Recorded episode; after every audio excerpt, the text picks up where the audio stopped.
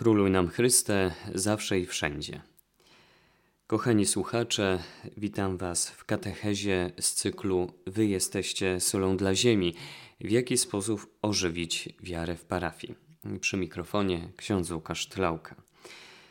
Dzisiaj skoncentrujemy się w sposób szczególny na temacie pracowników i przywództwa we wspólnocie parafialnej każdej wspólnocie parafialnej mamy pracowników, liderów, którzy e, są zaangażowani jako wolontariusze albo są też zatrudniani. To podejście do pracowników można streścić w słowach zakochać się. Tę katechezę opieram przede wszystkim na dwóch książkach księdza Michaela White'a i Toma Corcorana Odbudowana i narzędzia do odbudowy. I właśnie w książce Odbudowana odnajdujemy cechy, y, jakimi kierują się y, ksiądz Michael i Tom, y, jeśli chodzi o zatrudnianie pracowników we wspólnocie parafialnej. Są one następujące. Zatrudniaj osoby z dobrym charakterem. Następnie zatrudniaj ludzi z potencjałem. Kolejno, zatrudniaj ludzi, których lubisz albo polubisz. Następnie zatrudniaj ludzi angażujących się w pracy w parafii oraz zatrudniaj ludzi, którzy zakochali się w Twojej parafii. Chodzi w tych cechach zatrudniania pracowników w parafii o to, aby dochodziło do bardzo dobrej współpracy między proboszczem a konkretnymi liderami.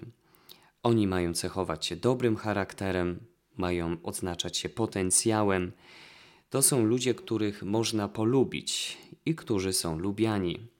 Są to osoby angażujące się w pracy w parafii oraz są zakochani w tym, czym jest parafia i jacy ludzie do niej należą.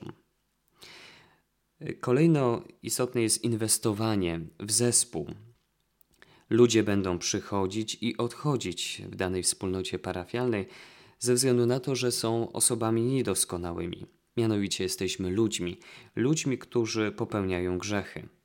Dlatego ważne jest, aby inwestować w zespół i budować dobre relacje.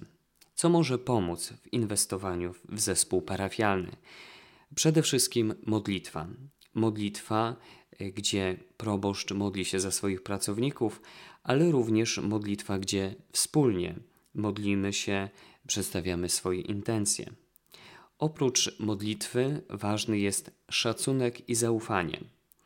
Należy zwrócić uwagę tutaj na to, że to jest proces.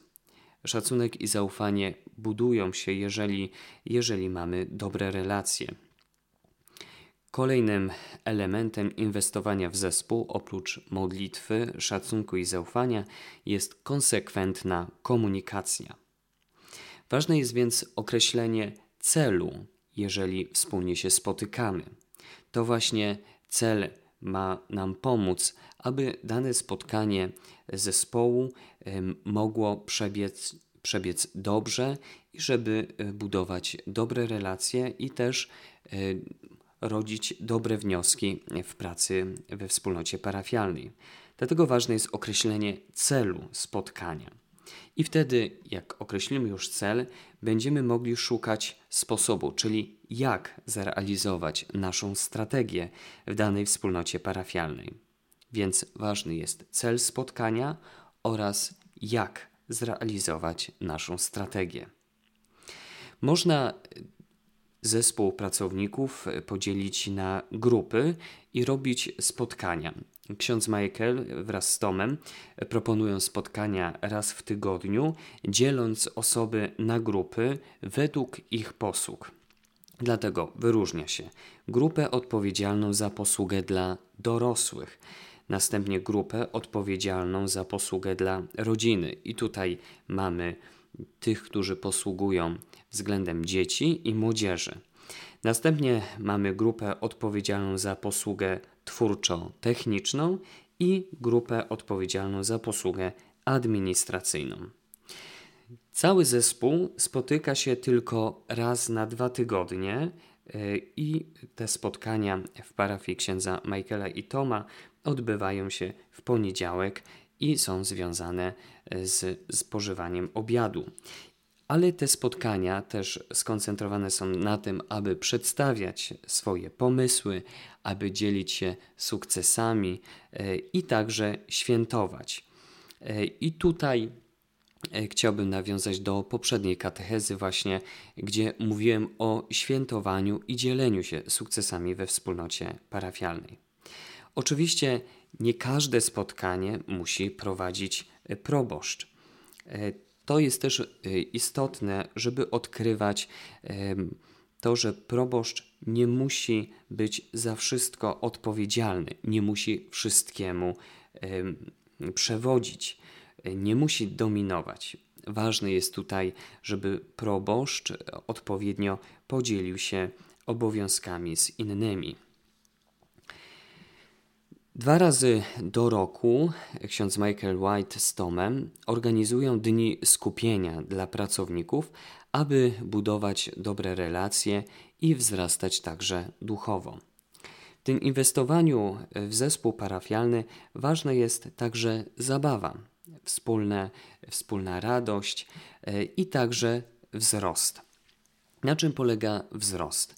E, do, Polega on innymi na tym, że mm, poszczególni e, pracownicy, e, współpracownicy, liderzy parafii uczestniczą w konkretnych szkoleniach, e, także pogłębiają swoją wiedzę poprzez odpowiednią literaturę, na przykład z dziedziny teologii, historii Kościoła, eklezjologii czy też przywództwa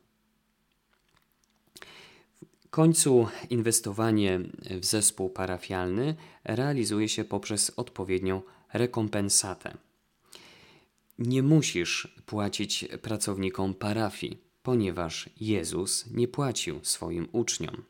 Natomiast jeżeli już zdarza się tak, że pracownicy otrzymują e, konkretną pensję, ważne jest, żeby płacić uczciwie i proporcjonalnie do panujących standardów.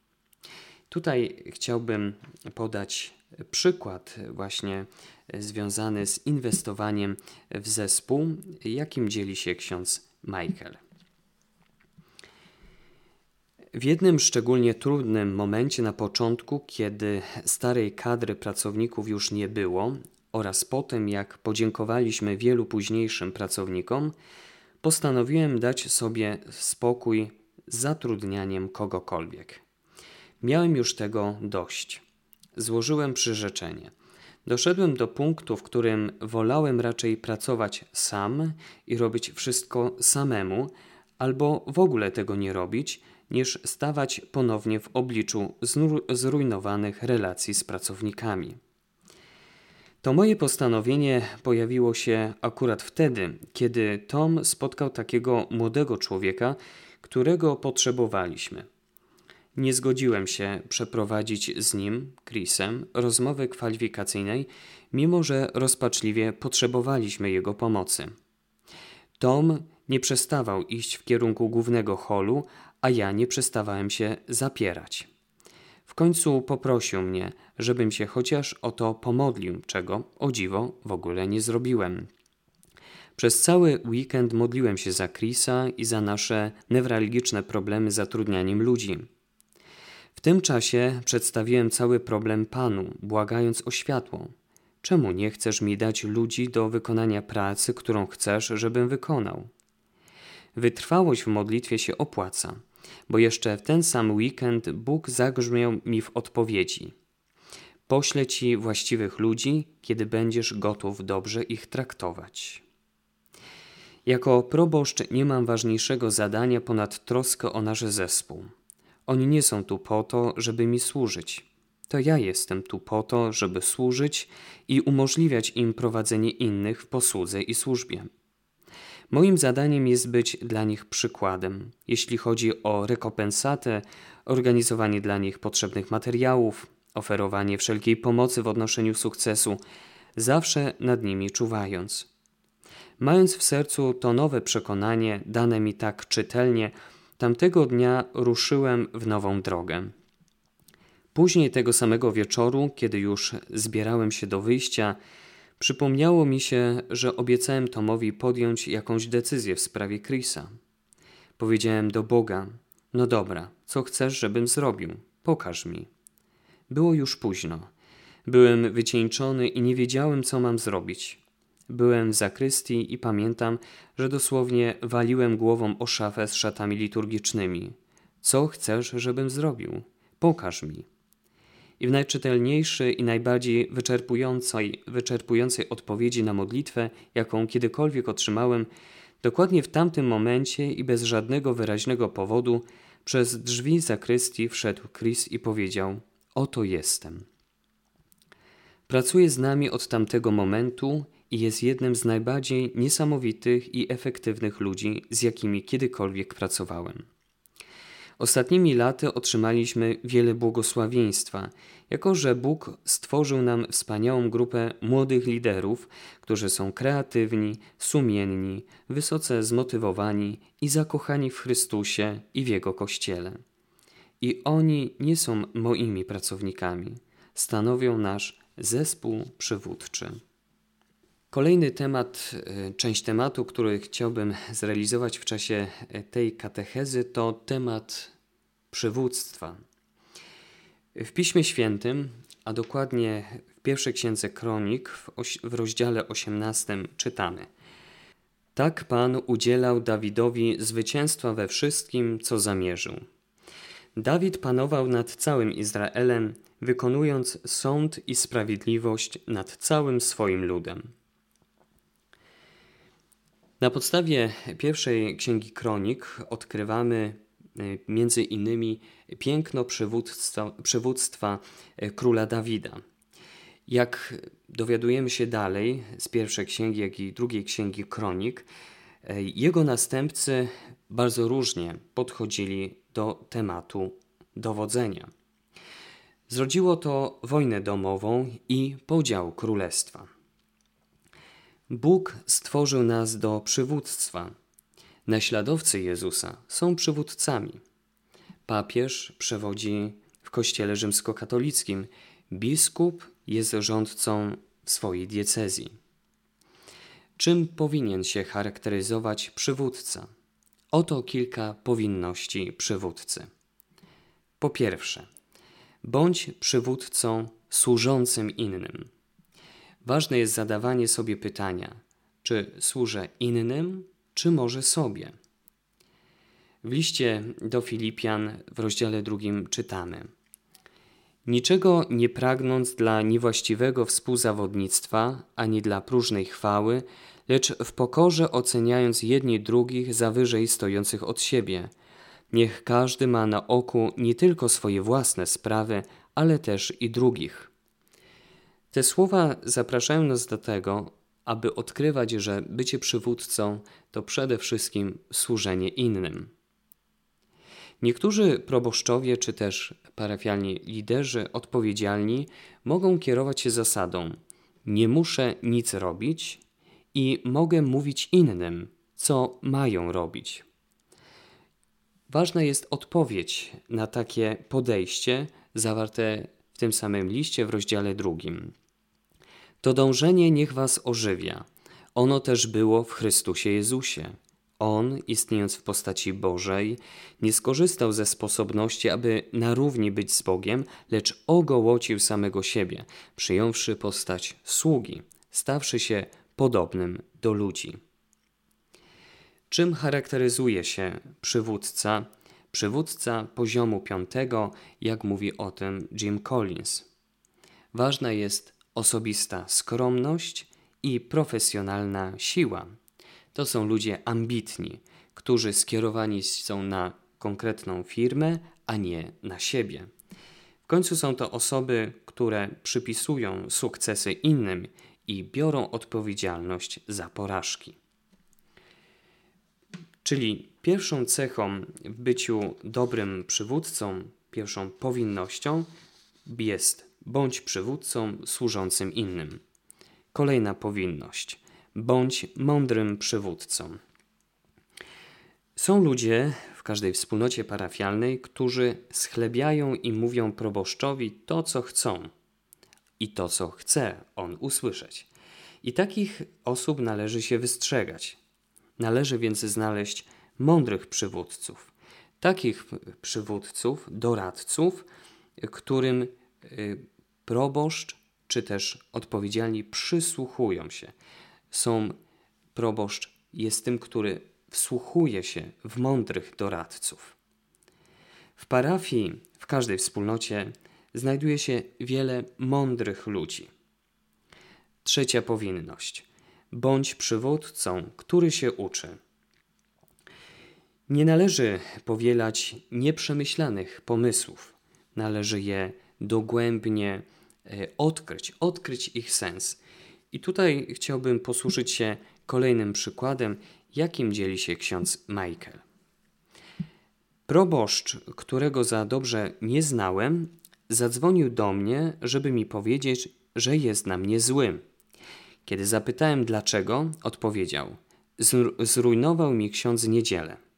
A że niby jak?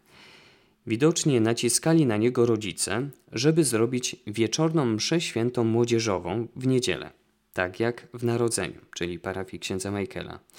I niechętnie się zgodził. Nawet zjedliśmy pizzę, poskarżył się. Problem polegał na tym, że nie rozumiał zasad, na których zbudowaliśmy nasz program dla młodzieży i zamierzał się tego uczyć. Powielił tylko szczegóły i znalazł się tam, gdzie się znalazł, w kropce, z programem, którego nie chciał i który się nie sprawdził, i z dużą ilością zimnej pizzy. Nigdy nie chodziło i nie chodzi o tę pizzę. Chodzi o uczenie się tego, do czego Bóg powołuje Ciebie, a następnie o zrobienie tego. Siła programu, przedsięwzięcia czy posługi nigdy nie tkwi na ich powierzchni, ani nawet w szczegółach. Nie chodzi o to, że nie liczy się metoda, czy nieważne są szczegóły. Siła naszych przedsięwzięć w posłudze wypływa z naszej bliskości z Panem i w pierwszej kolejności wynika z rozeznania tego, co On chce, żebyśmy zrobili, a następnie z uczenia się, jak to zrobić. Ważne jest więc w przywództwie, aby się uczyć, ponieważ każda parafia jest bardzo złożona. Musimy zajmować się programami edukacyjnymi, liturgicznymi i muzycznymi, nabożeństwami dla wszystkich grup wiekowych, planowaniem i przestrzeganiem budżetów, pieniędzmi, komunikacją, prawami autorskimi, budowaniem i utrzymywaniem systemów i struktur organizacyjnych, zasobami ludzkimi, marketingiem, konserwacją instalacji i urządzeń oraz bezpieczeństwem. Ta lista ciągnie się w nieskończoność, jak czytamy w odbudowanej. Czyli parafia jest bardzo złożona, dlatego jest potrzeba uczenia się. W jaki sposób mamy się uczyć? Po pierwsze, odkrywania znaczenia naszej parafii dla innych. W jaki sposób mamy przyciągać innych do Jezusa? Następnie, odkrywanie tego, co służy efektywnej komunikacji. I w końcu to, co motywuje ludzi do zaangażowania i składania datków. W Księdze Przysłów czytamy: Mądry, słuchając, pomnaża swą wiedzę, rozumny nabywa biegłości. Podstawą wiedzy jest bojaźń pańska, lecz głupcy odrzucają mądrość i karność. Kolejną powinnością przywódcy jest bądź odważnym przywódcą. Dlaczego? Bo sam Jezus był odważny. Ta odwaga realizuje się w tym, kiedy głosimy między innymi albo przede wszystkim całą Ewangelię, a nie jej części, pewien skrawek Ewangelii. Odwaga polega na głoszeniu całej Ewangelii. I w końcu ostatnia powinność: bądź wiernym przywódcą. Ta wierność objawia się w tym, że parafia jest bardzo złożonym elementem, częścią kościoła, ponieważ w niej mamy różne procesy, różnych ludzi, dlatego potrzeba czasu. Parafia to raczej maraton, a nie sprint. To proces. Dlatego w tym procesie ważne jest, żeby być wiernym przywódcą, żeby się nie poddawać, żeby dzielić się sukcesami i też odpowiednio przeżywać porażki. Kochani słuchacze, bardzo dziękuję Wam za uwagę, za to, że w trakcie tej katechezy mogliśmy odkrywać, w jaki sposób mm, mamy e, posługiwać, w jaki sposób e, mamy podchodzić do tematu e, pracowników i być przywódcami we wspólnotach parafialnych. Jeszcze raz serdecznie dziękuję. Szczęść Boże.